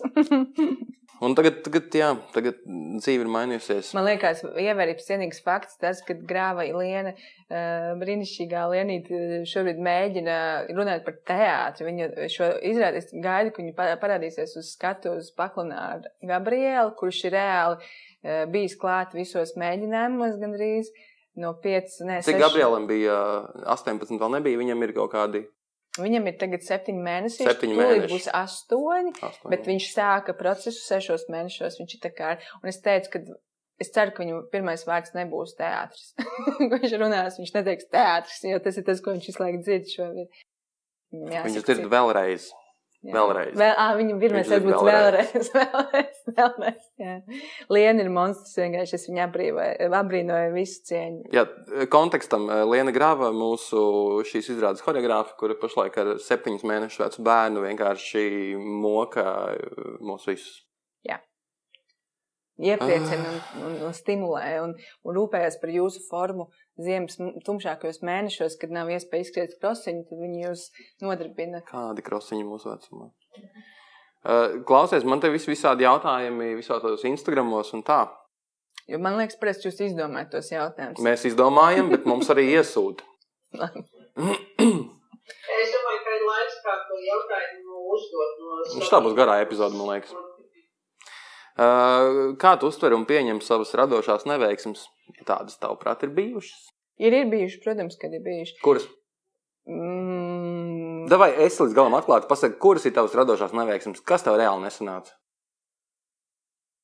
Bija tāda izrāde, man Lēdija Nikotīna dāmas teātrī, kas man nesanāca. Tas bija diezgan pasen, bet eh, nu, tiešām kaut kādā desmit gadu atpakaļ tā bija ļoti slikta izrāde. Smēķēšanas atmešana? Jā, nu, ne, ne tieši par lobēšanu, smēķēšanu, bet tur, nu, teiksim tā, kaut, kas, kaut kur mēs samaldījāmies visi.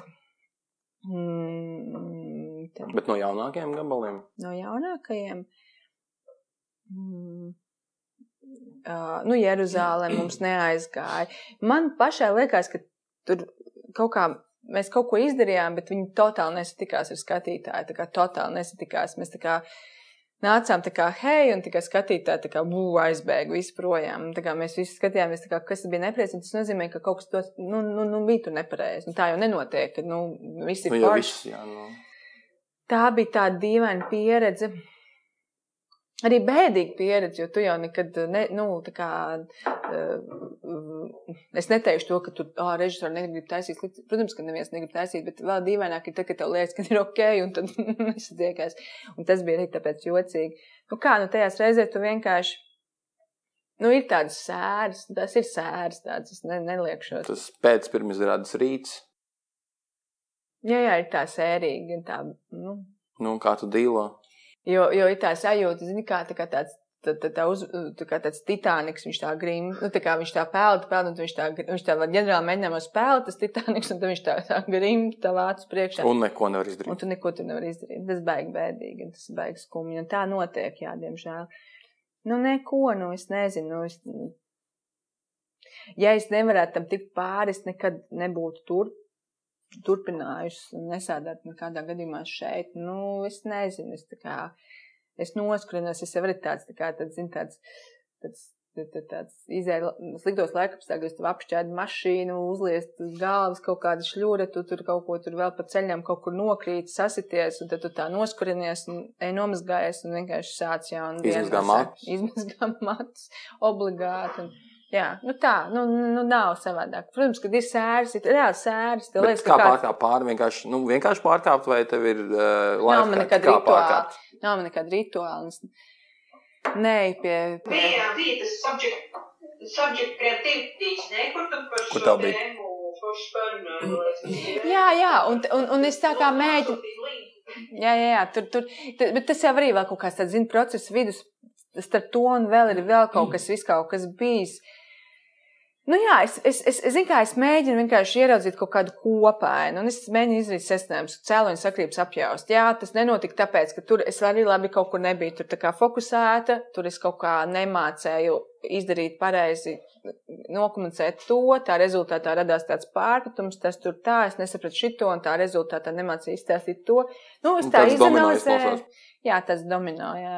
Tu tas domino? Jā. Jā, domino, jā, jā, domino, jā, jā. Kaut kāds tāds, nu, es saprotu, tā ir tāda arī, nu, re, nu tas nav nekāds. Citiem cilvēkiem varbūt palīdz, ka viņi mēģina tam piedēvēt kaut kādas paranormālas parādības, kaut kādas, tur nezinu, nebija īstā, īstā Neptūns nebija īstajā. Merkurs Merkurs nebija retrogrādā un bija čika laiks un, un nebija kaut kāda īstā. Mm, sā- Nezinu, tur mēnesis fāze, bet realitātē es savukārt to redzu kā reālu fizikālu procesu, un, un, un, un tam ir izskaidrojums. Un tad es to tā izanalizēju. Un, iz, noskrienās. Redz, tas ir tas teātris tēma, tas, ko tagad teātrī mēs risinām. Nu, kā, ja es tik ļoti, ļoti, ļoti nemīlētu to teātri, es jau, protams, sen jau būtu padavusies. Bet man vienmēr tā kā atvelk atpakaļ tas, ka tā mīlestība ir lielāka par to vilšanos un tām sērām. Tad es atkal ceļos un es eju un rušinos, izmazgāju mātus. Tā ir laba zīme, tāpēc, ka te māti tā, tā ir zīme. Jo tā ir tāda, tas tā kā tāds, tā, tā kā tāda, tā kā tāda metafora, tu, un tā arī es daru, vienkārši tu piecelies, atkal tā kā noskurinies, jā, sāp, rēta, palikus, jā, iespējams, man, man ir, man ir uz kaut kāda rokām rēts no, no, no, no kaut kādiem kaķiem un kaut kas tāds, kas nav izdziedināms, un tāpat no izrādē, nu, man ir palikuši viss ķermenis tāds. Bet nu, viņas nav arī tik lielas, viņas nepārklāja visu ķermeni. Tā ķermeņa tīrā masa vēl ir lielāka par tām rētām. tīrā masa ķermeņa ir lielāka par tām. Rētas jau neko nesver. Viņas vienkārši ir. Viņas ir. Man ir tiešām tā daudz rētas. No kaķiem? Jā, jā, jā. Okay. Nu, bet, nu, tad turpinot šo, kā, tad pēc šādām neveiksmēm, tā, kur rauties iedvesmu, tagad rakstīs šajā drūmajā laikā, vienmuļējā, bet, bet vispār, nu, Labi, kur rauties iedvesmu? Es jau uz jums visu laiku skatos un ceru, ka mēs tevi iedvesmojam. Jā, jā. Nē, es jūs mēģinu iedvesmot, un tad es ceru, ka jūs man arī mēģināsiet iedvesmot. Nu, tādā kaut kādā tādā sadarbībā. Nav jau nekāda brīnuma, es neticu nekādiem brīnumiem. Nav kaut kā tā, ka, ah, nu tagad atnāks salavecs un man tur nopērs iedvesmas maisu. Nav jau tādas lietas. Nopērs? Tas ir lieldienas. Nē, nobērs. À, nobērs. Es saku, nobērs, iedvesmu mājas. Atnāk salvets ar lielo mājas un nober tev iedvesmu. Tā jau nenotiek. Nē. Es tam vairs neticu. Agrāk es ticēju, likās, ka es tikai, es laikam nesatieku to salvets, visi citi satiek, bet es nesatieku. Bet viņš nenāk un nenāk. Es sapratu, ka man pašai tā iedvesma kaut kā jārada. Un tad es atnāku pie jums. Es jums kaut kādu joku izstāstu, tad jūs izsmieties, atmetat man atpakaļ, un tad mēs kopā tur uzkuļam, un tad mēs visi aizem laimīgi. Nu tā. -huh. Nu, labi, bet, eh, ja Laura Groza nebūtu sieviete režisore, kas viņa būtu? Pabeigusi Angļu gimnāziju eh, ar Walteru Sīlu, turpat jā, blakus. Jā, Walters bija vienu gadu vecāks par mani. Es viņu atceros, mēs kopā mācījāmies. Jā. Mēs bijām kursā arī vienā. Jūs bijām... dzirdējāt, ka tu gribēji būt sprinteru viegli plēt. jā, jā, jā, jā. Es biju baigā, baigā, baigā viegli. Rikšotāji. Nē, bet tā, jā, jā, man bija ļoti labi, man bija labi, labi panākums tajā. Nezinu, nu es nezinu, kas būtu. Es tiešām nezinu, ka tāpēc, tāpēc, kad es, es, es, es, es 18 gados iestājos akadēmijā, no, no tā laika man nekas nav cits vispār pavīdējis dzīvē. Es vispār, ka šos bērnus ņem akadēmijā par režisoriem. Ir tā. Ko tu vēl saproti? Tieši tā tas arī ir. Paņem gap year, paņem piecus gadus un tad nāc uz režisoriem. Tā ir, un es skatos arī uz jauniešiem mūsu, jūsu, mūsu, viņi tik, tik, tik forši. Un, es, un, un man pašai ir iebjās, kad es saku, kā jaunieši, jaunieši. Jo viņi jau reāli ir pabeiguši, un viņi jau ir principā jau dzīvē, jo viņu vecumā es jau taisīju savas pirmās izrādes. Mm -hmm. Es jau mhm. biju tā kā profesionāls režisors. Bet tagad tas skaties, un man pašai besīk, kad es runāju tā kā tāda, zin, tā kā tāda ķoķa bez mazliet. Tanta Laura. Tanta Laura. Un es tā nemēģinu, un uh, es to tā kā, kā mīļi domāju, jo man patīk, jo reāli tad viņi ir, nu, reāli jau Pilngadīgi var balsot, var spēlēt teātri. Nu, nē, nu, 12 vismaz gadus vai 14 jaunāk par mani. Līdz ar to viņi taču ir jaunieši. Jā, jā, cita paudze. Jā. Tādā ziņā, jā. Bet, eh, bet, eh, bet eh, vienlaicīgi nu, viņi ir no, no, noformējušies jauni mākslinieki, tādi paši, kādi bija es pirms 14 gadiem. Tā, tā, tāpēc... Nu, ne jau tādi paši, citādāk. Nu, citādāk, bet tādu pašu vienlaicīgi. Nu, man te ir tieši jautājums, spriežot pēc šobrīd piedzīvotā, ko domā par jauniem liepais aktieriem. Iekavās uz šo vēlams atbildēt sandviču metodē. Tas ir kā laba lieta, slikta lieta, laba lieta. Aha, okay. Um, Mēs runājam par jauno liepais tādu. Vi, es domāju, ka kā, viņi kā paši to ir vien. Nu, loģiski.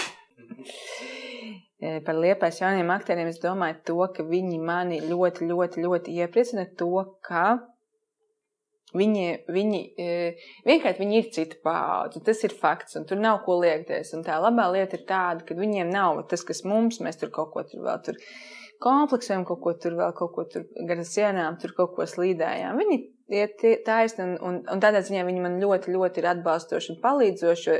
Piemēram, šodien arī mēģinājām Es pasaku tikai, nu, klau, varbūt tur varētu kaut ko padomāt. Viņi jau uzreiz piedāvā. Es zinu, ka mēs savā paudzē bijām tādi, ka mēs vēl tur domātu un šaubītos, un tad mēs kaunētos, un tad mēs kaut ko piedāvātu un atņemtu atpakaļ. Nē, un viņi piedāvā, un tā lieta ir forša un jauka. Un tas ir tas, kas man patīk. Viņi iet tieši un nekautrējās, un tas, ko viņi piedāvā, ir, ir sa, sa, sa, sajēdzīgi un samērīgi. Tas nu, lielākoties.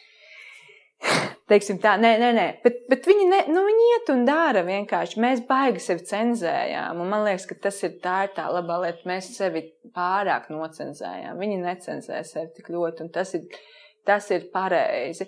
Jo, jo pie noteikuma, ka viņi to dara tiešām saku, ar apziņotību, un tā viņi arī dara. Viņi nerunā kaut kādas muļķības. Jā, mums tagad kaut kas tur jāizmanto, labi, pateiksim kaut kādu sūdu, un tad gan jau akceptēs, un tad mēs būsim atpirkušies, un tad mēs ķip izliksimies, ka mēs kaut ko esam baigi darījuši. Tā arī nav. Viņi to dara tiešām mēģinot reāli papildināt šo izrādi. Tā ir ļoti, ļoti laba domāšanas paradigma. Viņi pareizi dara. Iet priekšu. Jā. Nu, par šo runājot, par to, par domāšanu un tam līdzīgi. Uh, Rasa joprojām ir ar mums, ja kas? Es redzu, Viņa te ir, jā, mums, tur lampiņa spīd. uh, tev ir, nu, kā režisorei, uh, sava tēma, pie kuras tu atgriezies vēl un vēlreiz? Nē, man zini, kā ir, ir tendence piedēvēt katram režisoram kaut kādu tēmu, un tad ir tur tā, tiešām tur Valteram ir tur vēsturiskais, vai tur kaut kāds tur tāds, uh, viņam ir tendence, kā viņš tur par to politisko teātri, un tad tur tam, tur, tur tāds un tas. Mana tēma, man tur mēs piedēvēt kaut kādu seksualitāti un kaut kādus tur ārprātīgos cilvēkus. Ok, klasificējiet to, bet man jau tā, es jau neklasificējos. Mana tēma ir kaut kas tāds, ka, zini, man, tādiem, man patīk e, tādas robežlietas, un, un tas izpaužās tajās sāpīgajās lietās. Un tagad, kad mēs te esam teātri, kā tu gads varbūt, tu vari apliecināt, ka man vajag, lai tu arī iesaisties un pasaki, tā ir vai tā nav. Robežlietas, kas ietver to, ka mēs varam, nezinu, divi pie galdiņa šķirās un runā par to, ka vienkārši viņu dzīve beidzās viņu attiecībās, un vienlaicīgi paralēli notiek dzimšanas balīti, kur viens otram vienkārši uzsāc tostus un virpuļot cāru, un tā, nu tā visu laiku tā sadursmes starp to, nu, ka tā tas ir tiešām tu skatītos kaut kādu Hruščovkas māju, un tur vienkārši miljonus iedeg lodziņu, un vienā tur cilvēki tur viens otram sit ar pānu pa gāvu, un otrajā mīlējās, un trešajā sunīt bužina, un ceturtajā bērnu met gaisā, un piektajā, es nezinu, tur vecmāmiņai, nu, mazgā macu, sastajā vecmāmiņai kājas tur masēja, kad eh, tas ir tas, un tad es mēģinu tā kā tās visu laiku tās uztaustīt tās eh, robežas lietas, jo tāpēc, ka tā ir tas, ko es redzu dzīvē. Es arī atnāku uz mēniem, kā lai, nu, un tad tā kā cilvēki cilvēki tur, oh, tur kaut kāda, bet tad bija tiešām rītā 75, es biju tāds noguris, un domāju, ah, vakar mēnesis, un tad rītā svin savu 75, un viss tā kā, wow, un es arī iemaļos iekšā, un pēkšņi ir tik nenormāli jautri un priecīgi, un pēc tam to es mēģināju, un atkal tik,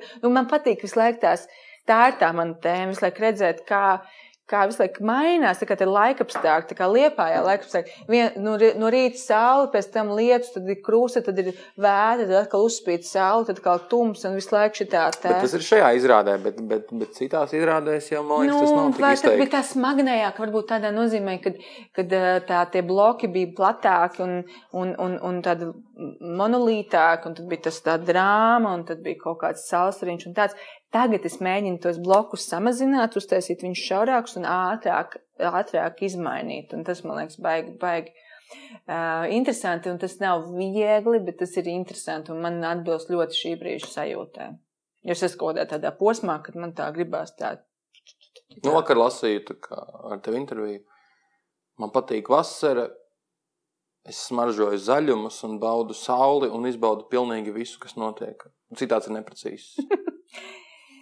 Jā, un varētu atbilst pilnīgi jebkuram cilvēkam uz šīs planētas. Man liekas, tas ir tas citāts, ir tāds apmēram tāds izklausījās, tā kā, nu, kurš cilvēks nevarētu pateikt to, ka viņš bauda sauli, patīk zaļumu un kaut kur tur, kas, nu, tad ir ļoti, ļoti abstrakt. Es nezinu, pat kur tas ir bijis referents. Labi, nu. Dievs ar to. Nē, nē, nē, nu, atbildot jā par tām izrādēm kaut kā. Rasa, tu esi ar mums? Es esmu ar jums. Mm. Absolūti. Man ir jautājumi par, par, par dramaturģiju. Tu ļoti bieži izvēlējies dramaturgijas darbus, kas ir pārstrādāti. nu, teiksim, Mārbera pēc Jūlijas jaunkundzes. Tas nav ļoti bieži, tie ir divi, trīs gadījumi no 30. Jā, Jā. man liekas, ka Mārbers, vairāk. Heda, jā, Heda, Mārbers. Labi, 84, bet nu, būsim reāli. 84 romāni ir tiešām reāli. Bet varētu dabūt neiespējami. lielāku honorāru, ja pats dramatizē. Ā, tāds bija jautājums. Nē, nē, Nē, nē, tas nav jautājums. Tas, tas ir vienkārši secinājums, ka tā var izdarīt. Bet, nu, tagad, ah, nu, ok, nu, Nē, tur nav daudz tiešām gati. nav. Pa česnam tur ir tikai Mārbers, un tur ir uh, jā, Julijas Jaunkundze un Heda, manuprāt. Varbūt tu zini vēl kaut ko, bet man liekas, ka nav vairāk tiešām. Un būsim reāli, tas ir no 30 vairāk izrādēm, divas. Tas, tas, tas neskaitās ļoti bieži, vai ne? Jā, man, nu, es tagad nevaru pateikt, es, es varu meklēt vēl, bet tas aizņems laiku. Tagad, man liekas, ka es, es, es gribētu dzirdēt uh, pretargumentu, bet man liekas, ka nav vairāk. Jā, labi, eh, bet, bet, nu, bet šajos gadījumos, kāpēc nevar ņemt Strindbergu, kuram ir tīri labs tulkojums latviešu? vispār, man liekas, ka es, es tieši ģimam teicu trīs dienas atpakaļ, es vispār nesaprotu streamu. Es tā kā arī tāpēc ablumījos arī ar to, ar to Julijas Jankons. Es tiešām līdz galam, tāpēc es paņēmu to pārsēdēm, man liekas, ka es viņu saprotu labāk, bet beigās es saprotu, es centos, es tiešām centos to izdarīt. Un man liekas, ka tas ir tas, ir tas kas varētu būt, man, un es nevarēju to atkodēt. To. Ā, nē, netrāpīja. Nu, nē, es nevaru atkodēt. Es nesaprotu līdz galam to lūgu. Tiešām, Strunberga, to Julijas, es nesaprotu līdz galam. viņu. Man ļoti patīk tava atklātības pakāpe pašlaik. Nu, jā, man visvairāk nepatīk, kad mēs te koķetējam, kāpēc tad es nācu. Tikai es tagad teikšu, nē, nu, es tur izdarīju visu, un tas jau tur bija. Tur, nu, kāds tur kaut ko nesaprata. Es pasaku godīgi, jo man nav problēma saprast, jā, es saprotu ka man nav problēma pateikt, ka par to neveiksmēm un veiksmēm. Jā, nesanāca. Nav problēma pateikt, lūdzu, man tiešām nav, es nesaprotu to lūgu. Es vienkārši tiešām viņu nesaprotu, man viņa nesanāca tā iemesla dēļ. Es centos, es darīju visu, ko es varēju, man nesanāca. Bet tagad ar, ā, ar to Boltonu teātri, nu, varbūt, ka vajadzēja dramatizēt. Nu, mēs tāpat esam diezgan daudz mainījuši, un to Boltonu tur preparējam, un varbūt, ka varēja vienkārši dramatizēt to pašu romānu. Un... Nu, arī tā, tas nav tik vienkārši. Tāpēc, ka, redzi, uh, tas dramatizējums jau ir, nu, tā kā Boltons jau ir dramatizējis. Un, uh, un no dramatizējuma mēs vēl tiešām izspiežam tādu vēl esenci ārā. Uh, Tas ir milzīgs darbs dramatizēt to darbu. Un es nezinu, uh, vai ir vērts kā, uzdot kādam to darīt. Nu, pie nosacījuma, ka mēs nezinām, kur mēs nonāksim, vai tomēr sat, sas, sat, satikt šo darbu tāds, kāds viņš ir, ar savām nepilnībām, bet zinot, kā to sa sakompresēt un izdarīt tā, kā mums vajag. Man liekas, jēdzieniskāk tomēr uztaisīt šo variantu, nevis tērēt vēl kādu cilvēku resursus un tad vēl tērēt miljonus minūšu un stundu uz to, ka mēs vēl kaut ko tur muļājam. Es atradu to lūgu, precīzāk sakot, tevi mammai man iedeva to lūgu. eh, To lūgu izlasot, es sapratu, ka no tā var uztaisīt stāstu, un to mēs arī esam izdarījuši. Mēs viņu esam sakompresējuši uz pusi, Un šobrīd ir tas, nu, principā, no moēma tur ir tāda ļoti tāda šaura līnija palikusi, kas ir uh, atspoguļo to būtību, bet uh, būsim reāli, tiešām romāns ir palicis par vienu ļoti kompresētu, intensīvu romāna pār, pārstāstu. Un es to pati negribu darīt. Nu, man, man nav tāds talants, un es uzskatu, tiešām rāsa, ka dramaturgs ir profesija, un režisoriem nevienmēr ir šī kvali kvalitāte. Un tas nav jādara režisoram. Vienmēr, ja režisors to jūt kā vajadzību, un viņam ir šī tā, kvalitāte, viņš to var darīt. Es tādu neesmu atradusi sevi. Kādreiz man būs daudz laika, kur es varētu pa, paeksperimentēt. Nu, labi, tev lingvists ir īstenībā arī pieejams mēģinājumos. Es, jā. Jā, mums ir lingvists pieejams mēģinājumos, tas ir gads. Agrāk, citu, kad bija Ozoliņš, mums bija divi lingvisti, bet tagad ir tikai viens, jo Edgars Ozoliņš nav šajā mēģinājuma procesā. Bet gads tiešām ļoti palīdz. Un tad mēs vienmēr vēršamies pie viņa ar jautājumiem. Viņš kā. Viņš arī sniedz šīs atbildes. ok, ja mēs, jau, ja mēs sākām par dramaturgiem, un dramaturgs ir profesija, un tā, uh, vai tu esi kaut ko taisījis no latviešiem? Latvieši. Latviešiem! Šis ir tas brīdis, kad mēs tā. Mēls paliek mazliet nē, es tikai tā kā jāsavēl tās mēls. Ir, uh, jā, Un kāpēc? Noras ir Esi? Ah. Nē, Noras Ikstens, jā, par Regīnu ezeru bija tāda izrāde, kur mēs Lielu Ozoliņu taisījām. Tas bija ļoti arī sen, man liekas, citā, citā, Citā dzīvē, un tas bija desmit gadus atpakaļ, saucās Regīna. Par Regīnu Ezeru, jā. Man tas liekas vienīgais gadījums, jā.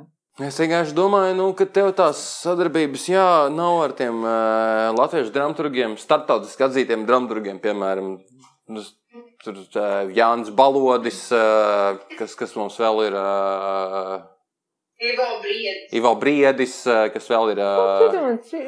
Nu, vēl ā, tā lietuviešu, tā latvieta. Rasa Bugovičūta pēce. Nu, tur jau var kaut kādus interesantus eksperimentus veikt ar tiem latviešu dramaturgiem.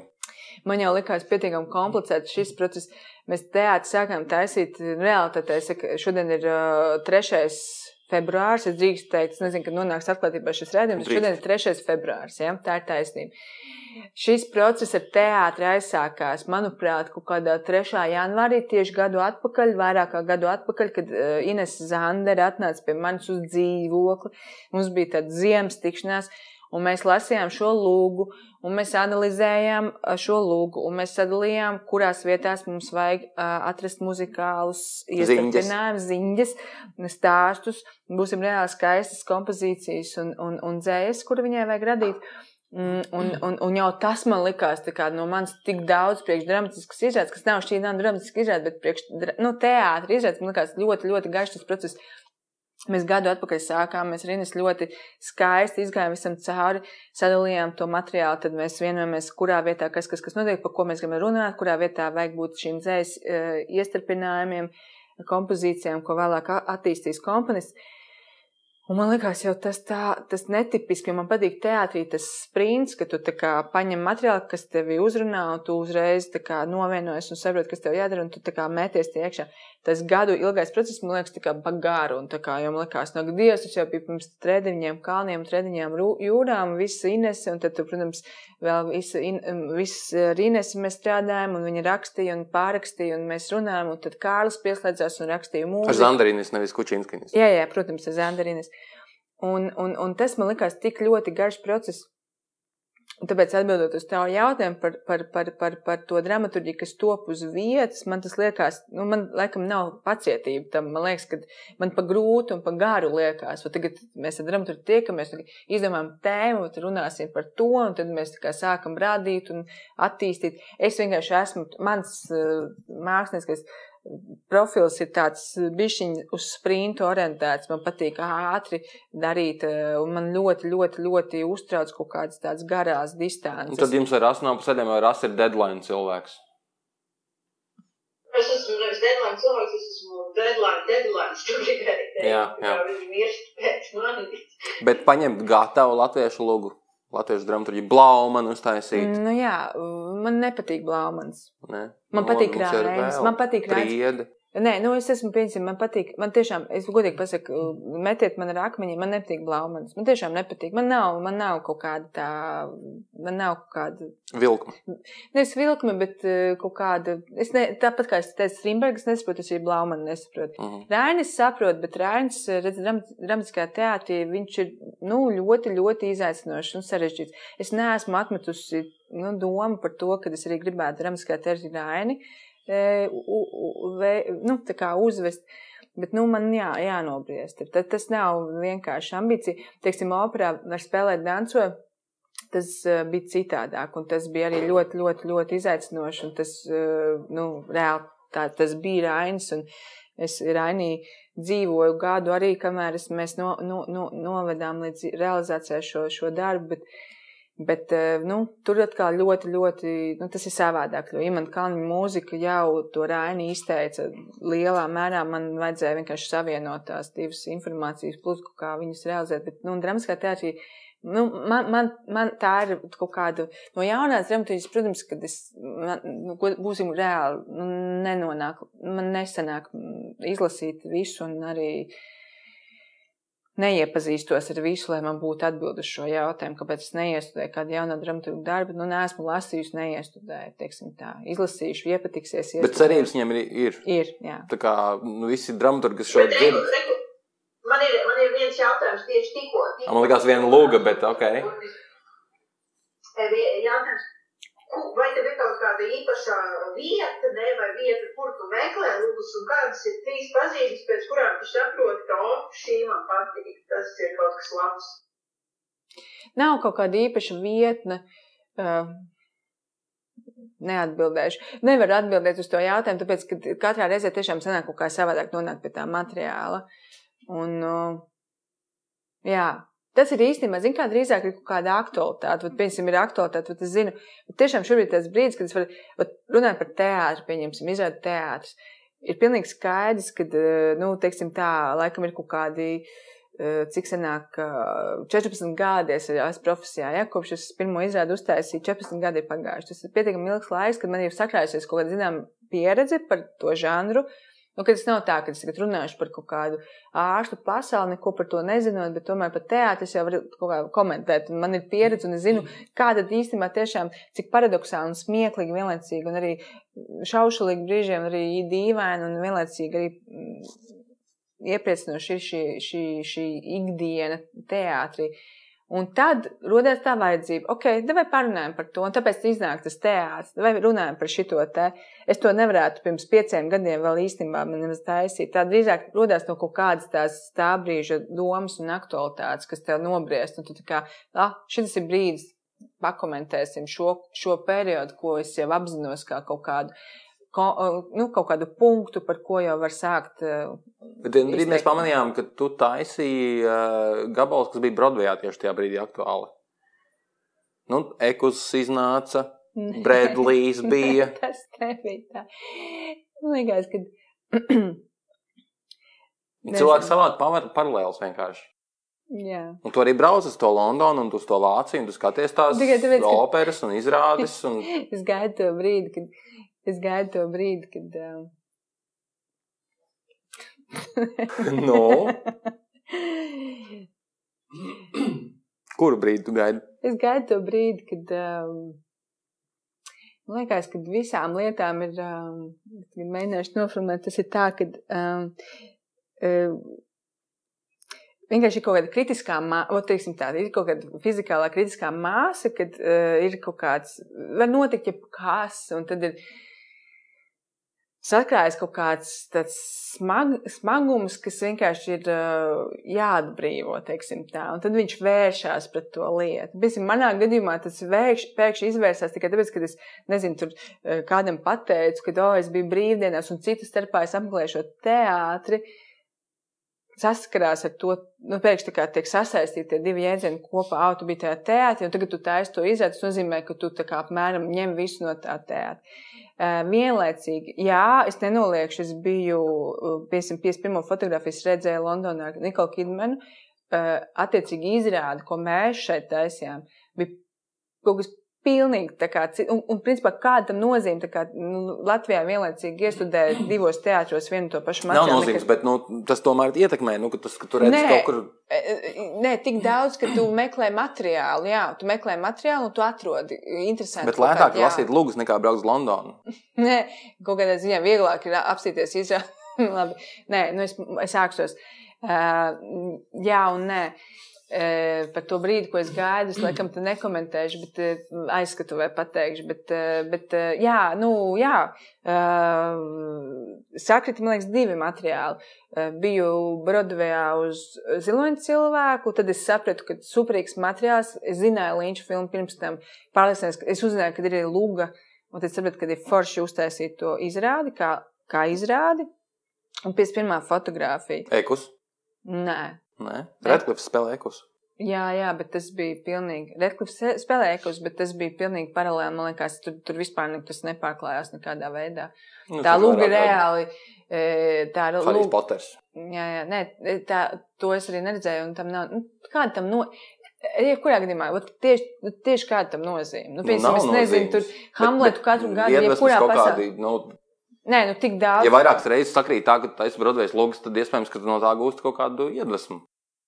Nē, nē, es saku, es, saku, es atzīstu, divās gadījumos es redzēju uh, ziloņu cilvēku un 51. fotografiju. Un es, man likās forši materiāli. Es nezināju, kad ir luga, un es nezināju vispār tādu lugu, kā 51. fotografija. Tad es uzzināju, kad ir tāda luga, un es ieinteresējos. Vispārējie gadījumi ir vienkārši ekus. Ar ekusu, man liekas, es zinu, ka vairāk režisori jau tur riņķoja apkārt jau vēl piecus gadus pirms es viņu iestudēju. Un tā lūga, kas interesanti, viņa tika vairāk kārt noraidīta daudzos teātros kā neaktuāla. Un es viņu atradu citu starpā. Sievietēm. Ekusā? Nē, tur Nē, nav par sievieti. Nē, par ekusu. Okay. Tur uh, vienkārši uh, to ekusu visi tur riņķoja apkārt jau sen, un nekad viņi tā kā, nu tā boring lūg, un es tā kā viņu atradu, un es tā kā teicu, varbūt pamēģinam, nu ok, ok, nu nekas jau tāds nebūs. Nu ņem mazo zavis kārtībā. Un, un, un, un, un, un īstenībā ļoti labs materiāls. Nu, tā tur sanāca. Tur, es atceros, ka Eikos skatoties, man uh, Silvija Radzovs sēdēja blakus. Viņa bija ie, ieķērusies ar abām rokām priekšējā sēdeklī krēslā priekšējā. Un, kā, un es pēc tam es atceros, es gāju pēc pirmā cēliena vai pēc otrā cēliena, un es, es tā Silvija skatījās, ieķērusies kā, krēslā. Ah, es ka, ka, atceros, ka, ka tu okay. biji uz to izrādi. Man liekas, jā, jā, es atceros, tas bija kaut kāds pir, pirmās izrādes. Dainīgais tur bija labs, jā, jā. jā, jā. Nu tā kaut kā, jā. Nu, jā. Īsa reklāmas pauze.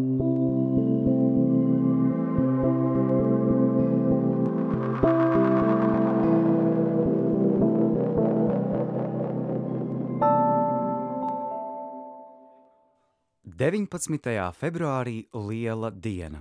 Pulksten 12. galerijā Romas dārs tiks atklāta Ilzas Vītoliņas kostīmu skiču izstāde. Pāris stundas vēlāk, pulksten 18. Pirmizrāde šīs sezonas lieliestudējumam, muzikālai izrādei vairāk par dzīvi teātris.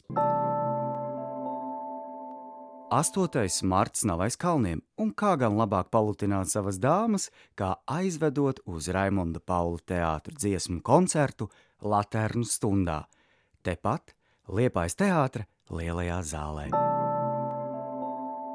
Pirms kāda laiciņa teātrī atgriezās mūsu cienītais un mīlētais duets Elmārs Senkovs un Reinis Suhānovs, lai prezentētu maketu izrādē Grimmi, kas pirmizrādi piedzīvos 23. aprīlī. Varam apsolīt, ka šī izrāde kārtējo reizi pārsteigs skatītājus un nevienu nēstās vienaldzīgi. Biļetes jau pārdošanā. Purva bridēs atgriežas. Parteris aprīļa izrādēs jau ir pilns nenokavēja iespēju redzēt šo izrādi no vislabākajām vietām. Biļets uz izrādēm maijā un jūnijā jau pārdošanā. Vasaru sagaidīsim ar šīs sezonas pēdējo jaunu uzvedumu Līnenas skaistuma karaliene. Pirmizrāde 17. jūnijā režisors Džeģe Džilingers. Lielu un lielais paldies Lienai no Atpilu Crafts – par brīnišķīgiem, jaukajiem un dūmakainajiem pelntraukiem.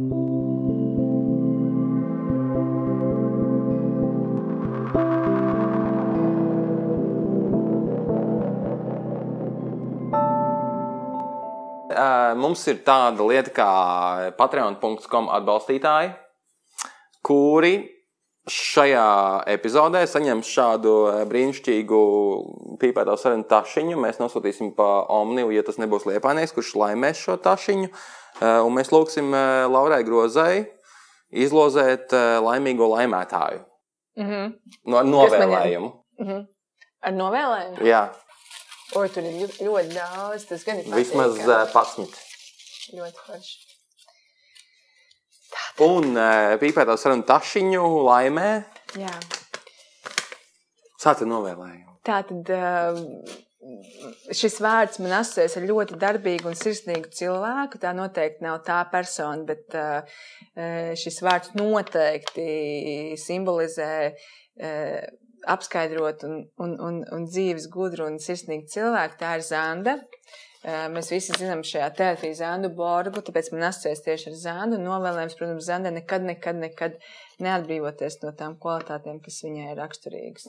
Tašiņu vinnēja Zanda, un mēs sakām paldies mūsu jaunajām patronam Katrīnai. Katrīna, mēs tev piefiksējām. Paldies, ka tu mūs atbalsti.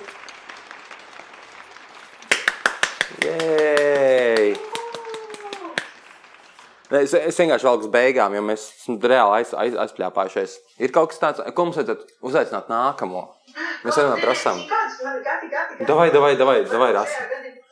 Varbūt šajā gadījumā nevis prasam Laurai, ko uzaicināt nākamo, bet tā kā mēs, Gats precīzāk, ir uzrunājis mūsu, es nezinu, kā viņi nodēvē tā viss precīzāk, bet mūsu teātra um, pelēko kardinālu es viņu saukšu tā, pelēko kardināli, uh, Ritu Krodēri ierasties, spīpēt ar sarunām Laura, vai tu varētu lūdzu uzdot kādu jautājumu, ko tu gribētu Ritai uh, pavaicāt? Es gribu, jā. Es Rīta ir gribu- 49 gadus un strādā teātrī. Un tās ir super crazy. Un es uh, biju tāda situācija divas dienas atpakaļ, kad uh, Rītai bija skaistie 75. Mēs tiešām Rīta bija vienkārši brīnišķīga ar savu ziedu vītnēs, un mēs vienkārši sirsnīgi svinējām viņas svētkus. Ar lielāko prieku, un tad es atceros to brīdi, kad es viņai gribēju nos, es viņu nofočēju, un es viņai sūtīju bildi uz WhatsApp. Tad es, viņai bija WhatsApp fantastiska bilde. Viņa izskatījās no 60 gadiem. Viņa ir Endija Vorhola kaut kādā šajā te darbnīcā. Viņa tāds nenormāli, viņa nenormāli tā kā tāds stilīgs, vienkārši ņurks jaunietis, vienkārši sēž kaut kādā. Un man ir jautājums, tā kā, kas tad ir tas viņas tas jaunības kaut kāds tāds. Kā, kā, ka- kas bija tas viņas jaunības laika, vide un, un, un, un, un, un, un, un viņas ikdiena, kurā viņa apgrozies? Jo viņa reāli izskatās tajā bildē, ka viņa dzīvo Ņujorkā. Viņa tusē-. Šņauc, Viņa tusē ar viskrūtākajiem māksliniekiem, un vienkārši viņa bija pilnīgi kreizīga dāma, mūza, vienkārši fantastiska sieviete, un viņa vienkārši sevi tur uh, realizē. Man interesē, kas ir tas, tā vide, vai viņa tiešām gadījumā nav bijusi tur, un ja viņa tomēr ir bijusi Liepājā. Kur viņi pavadīja to savu liepāju zelta laikmetu, to visu hipiju laikmetu? Man tas interesē. Kur ir tapušas šīs fotogrāfijas? Mm. Mēs ieliksim to bildi, to WhatsApp profilu bildi. Jā, lūdzu, lūdzu. Jo tā bilde ir fantastiska. Viņa tiešām ir vienkārši tāda. Mm, Tikko nodās uz cigareti un tā. Jā, rīktīgi, rīktīgi labais. Jā. Tad, jā, mūsu nākamais viesis būs Rīta Krodere, Liepājas teātris izrāžu vadītāja, uh, kur teātrī jau strādā 49 gadus. Un tā būs Amazing. epizode par uh, tiešām teātra iekšējām lietām un, un, un, un tā. Bet, ja tev būtu jāuzaicina kāds cits viesis, tad Laura. Man liekas, ka ļoti labi ir eh, man, man cilvēcīgais partneris Mārtiņš Vilkārs, kas uh -huh. Ir, eh, ir eh, cilvēks, ar, viņš varbūt nav ekspresīvākais cilvēks, bet ja viņam ielēja vienu skaistu glāzi, viņš kļūst par ļoti, ļoti, ļoti atvērtu, omulīgu vīru, un, un viņš izstāstīs, man liekas, daudz vairāk stāstu, nekā es varētu izstāstīt šīs sarunas laikā. Viņš ir piedzīvojis, viņš ir strādājis visos teātros, man liekas, Latvijas, viņš ir strādājis ar izciliem režisoriem, izcilās izrādēs, uztaisījis, man liekas, kaut kādas 150 izrādes, ne tikai Latvijā, nezinu, tur kaut kādā Kirgistānā, Maskavā, vēl kaut kur viņš ir tā kā, viņš ir tiešām izcils mākslinieks, un- mākslinieks un scenogrāfs, man liekas, viņa viedoklis man tiešām interesētu. Okay. Tātad Mārtiņš Vilkārs tiek Viņš būs Liepājā listē. drīz, viņš būs tā nākamās nedēļas liep, ķeriet viņu ciet, kamēr viņš vēl būs. Nu, mums rīt vēl tagad ir plānā. Rīt, rīt, Nu, rītu jūs pēc tam varat jebkur dabūt, bet Mārtiņu jūs varat tikai nākamnedēļ dabūt. Nu, tu domā, ka tu esi vienīgā režisora, ko viņš strādā? Viņš jau vēl ar citiem režisoriem labi, būs strādā. viņš Jā, jā. jā. Uh, nu, kaut kā tā, man palika daudz jautājumu neuzdoti. Mēs vienkārši Es vienkārši aizrunājāmies. šausmīgi daudz iz, iz, Man izrunāju. liekas, ka mums vajadzēs otro sēriju kaut kādu taisīt, tad es būšu klāt. Tikai uz jautājumiem atbildes, jā. Arī pēc tam būs iespēja pajautāt kaut ko vairāk. Bet, uh, jā, paldies visiem, tie, kas mūs klausās. Uh, Piesakojiet mums YouTube, Spotify un visas podkāstu vietnes, ielieciet laiku, piespiediet follow. Paldies Katrīnai par mūsu jauno Patreon atbalstīšanu. Tā bija Laura Groza, es esmu Gatis Māliks. Tā ir Ķeriet biļetes uz teātrī. 19. februāris. Vairāk par dzīvi. plašs teātris. Uh, un jā, kaut kā tā. Forši, paldies, Rās, paldies, Gāti, bija forši. Un man patīk īstenībā tā naksnīgā noskaņa, viņa iedod tādu, tādu arī kaut kādu misteri, mis, misterio, ne atbrīvotību, bet tādu misteriozismu, tā kā kaut kādā tumsā tu sēdi. Tas ir forši, tas ļoti tipiski teātrim, tas ir, tas ir pareizi, jā. Kat. Atā.